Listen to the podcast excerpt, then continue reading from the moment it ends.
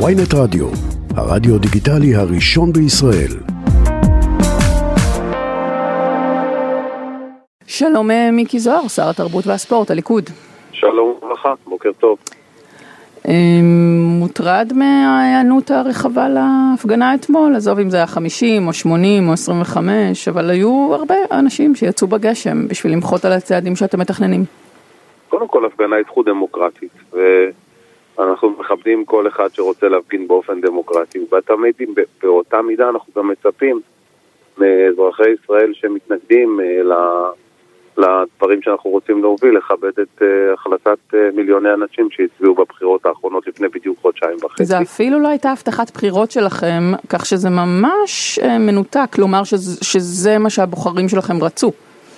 זו הייתה הבטחת הבחירות שלנו, ועוד איך. לא, זה לא, תראה במצע שלכם, זה לא מופיע שם אפילו. לא, ממש כן, אני לא חושב לא. שיש מפלגה מתוך כל uh, סיעות הקואליציה הנכנסת שלא התחייבה על פסקת התגברות. שלא, אני בעצמי התראיינתי על זה עשרות אם לא מאות פעמים, שלא התחייבנו על שינוי בחירת שופטים. פסקת התגברות זה לא פסקת התגברות ב-61.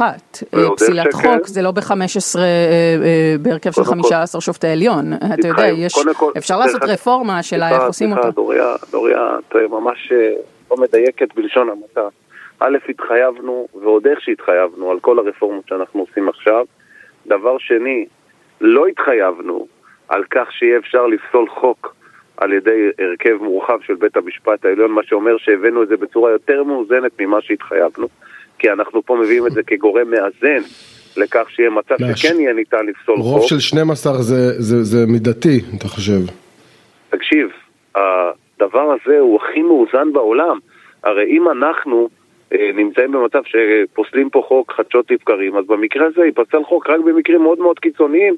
אם לא וכאשר יידרש הדבר. 22 חוקים במשך 40 אה, שנה, זה לא חדשות לבקרים. הנה עוד שגיאה. אתה אומר 22 חוקים, אני אומר לך שלא עשרות אלא מאות חוקים שנפסלו על ידי יועצים משפטיים מראש, ובנוסף לכך עוד מאות חוקים שבית המשפט העליון אמר... זה אחריות של פוליטיקאים, סליחה, רגע, אבל זה לא, לא ממין העניין, אני אגיד לך משהו. כן. להשלים את הטענה, ועוד מאות חוקים שבית המשפט העליון אמר לנו המחוקקים, לכו ותתקנו את החוק אם לא נפסול אותו. זה סוג של פסילה לכל דבר ועניין.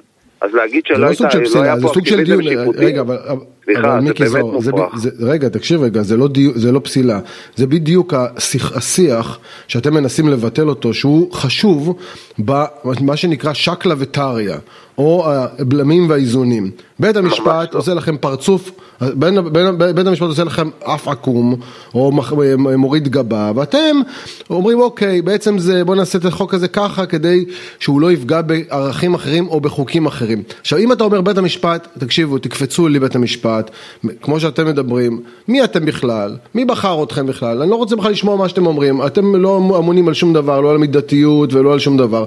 אז כל הכוח נמצא ברשות המבצעת. ומכיוון שהרשות המבצעת גם שולטת בכנסת, אז אין פה שום איזון מהצד השני. נשאת עכשיו נאום שאין לו שום קשר למציאות.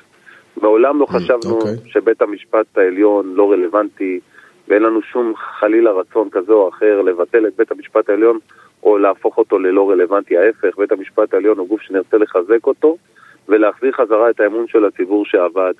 אני אגיד לך משהו על בית המשפט העליון. בית המשפט העליון צריך לשפוט צדק בהתאם לחוק הכתוב ולאפשר לנו המחוקקים להוציא אל הפועל את המדיניות לשמה נבחרנו על ידי בוחרינו.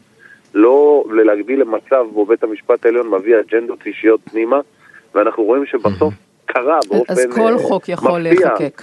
אז כל חוק יכול להיחקק, מיקי זוהר, לא. כן?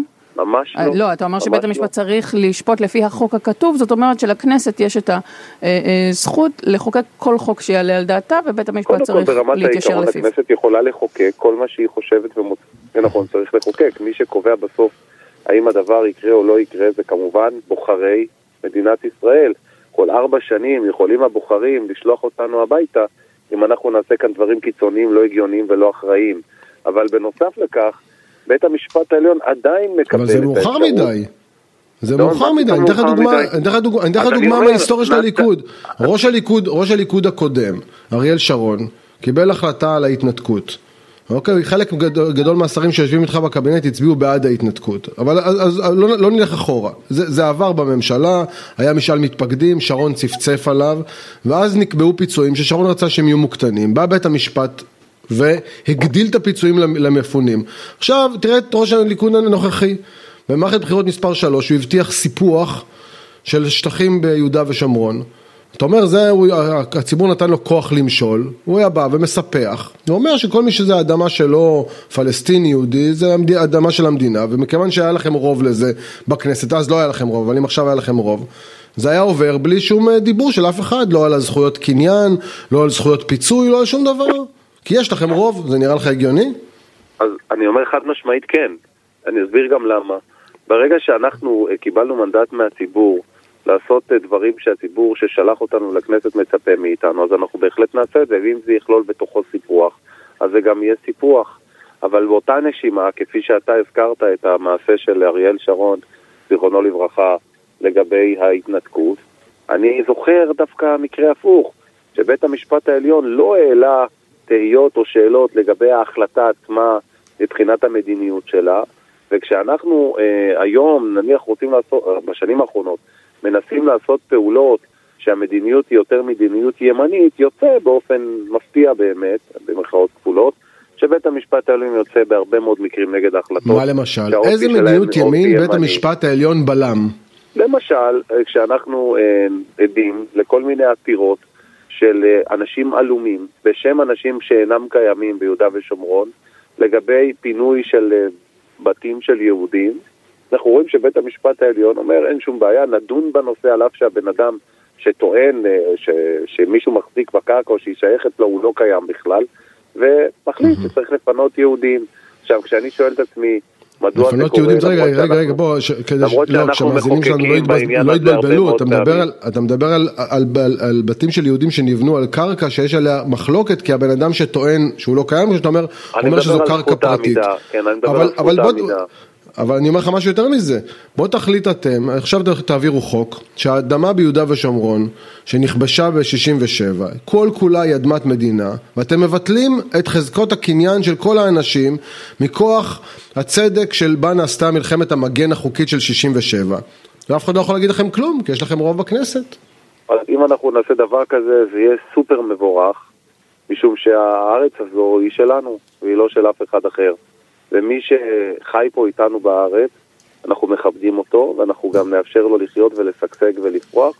ובלבד שהארץ הזאת תהיה שלנו, של העם היהודי, ולא של עם אחר. אבל זו בדיוק הסכנה, אתה מבין? כי עבד, לא עבד משכם, לא, לא, תקשיב רגע, אבל עבד משכם, בוא תסביר לי אתה באמת ברמה האנושית, יש את עבד משכם, שירש את האדמה שהוא מגדל עליה זיתים לפני 200 שנה מהסבא שלו שגדל עוד בשלטון הטורקי, אוקיי, בעות'מאני, ויש לו קושאן, ואתה אומר לו, תשמע אח שלי, אין מה לעשות, יש לנו רוב בכנסת, אני מצפצף עליך.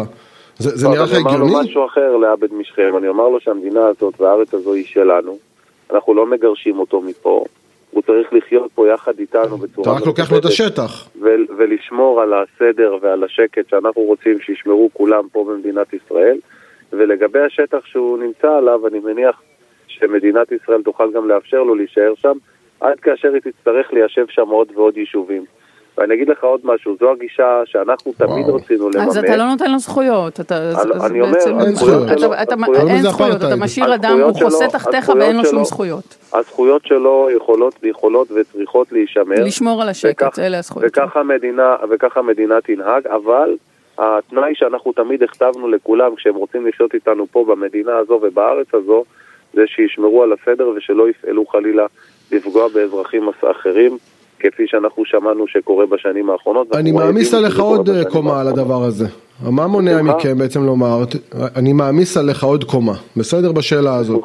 תראה, אין ספק, אין ספק שבעבר אה, היה אה, דבר לא, לא הוגן כלפי בני עדות המזרח אה, במשך שנים, עם הקליטה שלהם, של אנשים, יש את סאלח פה זה ארץ ישראל, של דרעי, של דוד דרעי שעשה על זה סרט, ואין ספק שיש תחושה עמוקה של קיפוח מוצדק. עכשיו ממשלה חדשה בראשותכם יכולה להגיד, תראו, ניתנו אדמות, אמנם שהם היו לפני המדינה, של קיבוצים כמו חניתה או מגדל העמק או דגניה, אנחנו, זה אדמה של המדינה, ואנחנו כדי לתקן את זה, אנחנו עכשיו לוקחים את האדמות האלה, ובאדמות האלה אנחנו מיישבים את הדור השלישי של יוצאי צפון אפריקה אה, בדירות שהמדינה בונה להם כדי לתקן את הצדק אה, אה, החלוקתי של שנות החמישים ושנות השישים וגם כאן לא תוכל לעשות שום דבר, תיקח...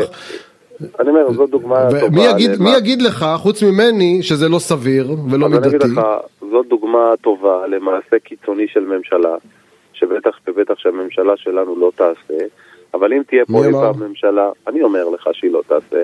אם אי פעם, כל עוד לפחות אני חבר בה. אבל אם אי פעם תהיה כאן אה, ממשלה שתרצה לעשות מעשה קיצוני כזה, תבוא או יבוא אה, נשיא בית או נשיאת בית המשפט העליון, יכנסו הרכב מורחב, וברוב גדול יבטלו חקיקה קיצונית שכזו. ולכן, מה שאני אומר, ואז הכנסת ברוב של 61... לא, לא, לא, הנה, הנה, הנה דיסאינפורמציה, הנה דיסאינפורמציה, הנה נתון שמטעה את הציבור. פסקת ההתגברות, אותה אנחנו רוצים לחוקק, לא אמורה לחול על החלטו, על פסילת חוקים בהרכב מורחב של בית המשפט העליון ברוב לא, רק ברוב מלא של 15, ב-12 הם כן יכולים. אז אני, אני, אתם ראיתם את הרפורמה, מה, קראתם את החוק? אתה ראית? אתה ראית אגב? אני מכיר את הפרטים, אני לא אחשוף אותם פה עכשיו. אז גם אני מכיר את הפרטים כמוך, מהדיבורים לא, בתקשורת, אני חושב שאתם משחקים פה בפרטים. אני מכיר אותם קצת יותר טוב. הרי מיקי זוהר, הרי לא ביני ובינך, בוא נדבר ביושר. הרי אם הייתם אומרים פסקת התגברות, אוקיי, אז אם הייתם אומרים פסקת התגברות ברוב של תשעה, אוקיי? זה משהו אחר. 12 זה כמו להגיד פסקת התגברות ברוב של 80. אני אומר לך... אז, אז הורדתם את הרף של העליון... החקיקה, העליתם את הרף של בית המשפט העליון ואתם אומרים חבר'ה מה אתם רוצים? באנו לעשות רק רפורמה. אז תראה, קודם כל מי שחושב שבבית המשפט העליון יהיו בובות שיעשו רק מה שאומרים להם טועה טעות מרה. לשופטי בית משפט עליון יש הרבה מאוד ניסיון, הרבה מאוד עוצמה והבנה מאוד מאוד טובה גם בעולם המשפטי וגם בעולם הציבורי. וכששופטי בית המשפט העליון יזהו מצב קיצוני של ממשלה כזו או אחרת שתהיה כאן, שתרצה לעשות, מה שיעשו השופטים, הם פשוט יפסלו את החוק הזה, ובזה זה ייגמר. עכשיו, אתה שואל אותי מה יקרה? אני אגיד לך מה יקרה. חוקים ייפסלו בישראל, אבל פעם בכמה שנים טובות, ולא כל כמה חודשים. וגם עניין של יועצים משפטיים שהיו רגילים חדשות לבקרים לפסול חוקים מתוך הנחה שבית המשפט העליון יקבל את עמדתם, לא ינסו לפסול חוקים, אלא ינסו לתקן את החוקים באופן שאולי יהיה מתאים וראוי יותר מבחינת הערכים המשפטיים. יועצים משפטיים גם היום לא יכולים לפסול חוקים, הם יכולים לייעץ. לא, אבל הם יכולים להטיל וטו, הם, לא, הם יכולים להטיל וטו בהרבה מאוד מקרים. תגיד רגע, יש קריאה בעיקר בקרב המפגינים אתמול אה, וה, והמפלגות אה, המתנגדות לכם אה, לנשיא יצחק הרצוג להתערב, לדפוק על השולחן, לא להסכים לרפורמה שאתם מציעים. מה עמדתך? הוא צריך להתערב? יש מקום להתערבות של הנשיא? נשיא המדינה הוא אחר, אדם אחראי, אני מניח שהוא גם יביע את עמדתו, הוא גם יביע אותה לא מעט פעמים, ואנחנו יודעים שעמדתו היא לא בהכרח אה, תואמת לעמדה שלנו. אבל אני מניח שנשיא המדינה רוצה לנהוג בממלכתיות, ולא לתפוס צד בוויכוח הפוליטי. הוא אומר את הדברים באופן אה, יחסי די ברור, פחות מבחינתי, הוא לא בהכרח מסכים איתנו. אבל אה, הוא נשיא המדינה, והוא הנשיא של כל אזרחי ישראל, הוא לא נשיא של השמאל. הוא לא נשיא של הימין, הוא נשיא של כל אזרחי ישראל. אבל המגעים שמתנהלים מתחת לרדאר, כפי שהוא מקיים אותם כעת, אתה לוקח בחשבון שיכול להיות שהם יעלו מעל הרדאר כשהוא יבין שאין עם מי לדבר מבחינתכם.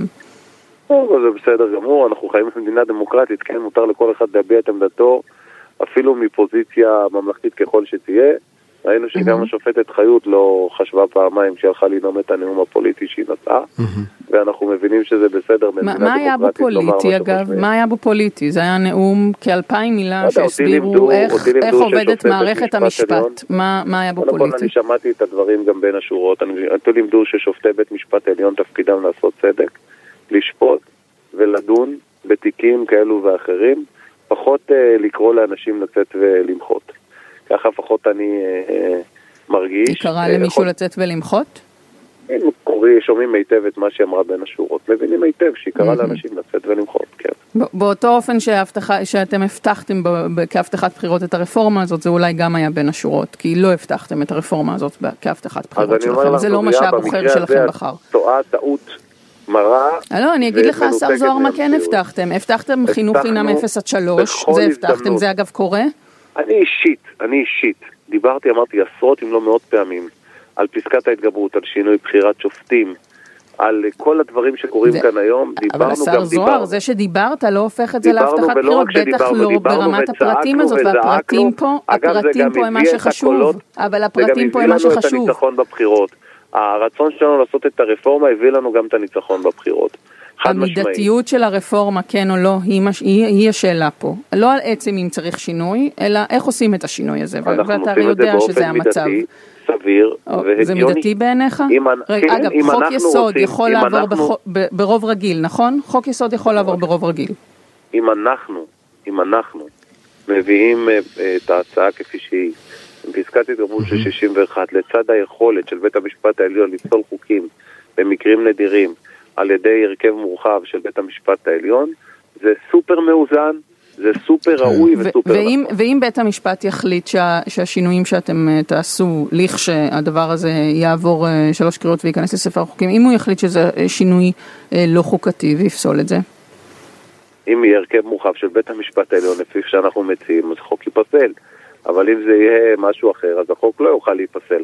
וזה היופי שבדבר, כשאתה עושה את האיזון הנכון, מצד אחד אתה כן מאפשר למחוקק להביא לידי ביטוי את הדברים שהוא אה, רוצה להביא לידי ביטוי בשם הבוחרים שלו, ומצד שני אתה כן מביא את הגורם המאזן למקרים קיצוניים על ידי בית המשפט העליון שכן יכול לפסול חוקים.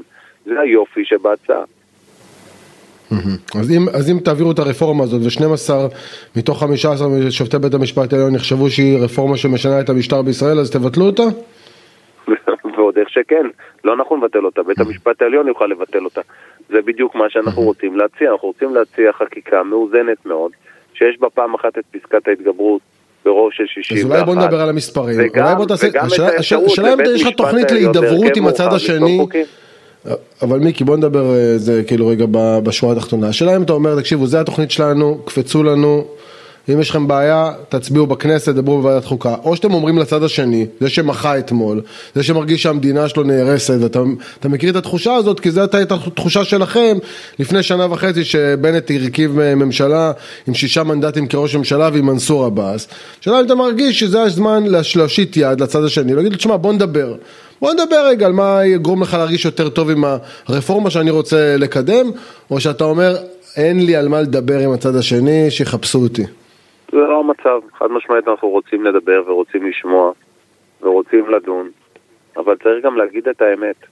הרבה מאוד מהאנשים שכרגע יוזמים את ההפגנות או פועלים mm-hmm. לתיקון הזה שהם חושבים שהם רוצים לעשות, הם אה, לא עושים את זה מתוך uh, אהבת הארץ.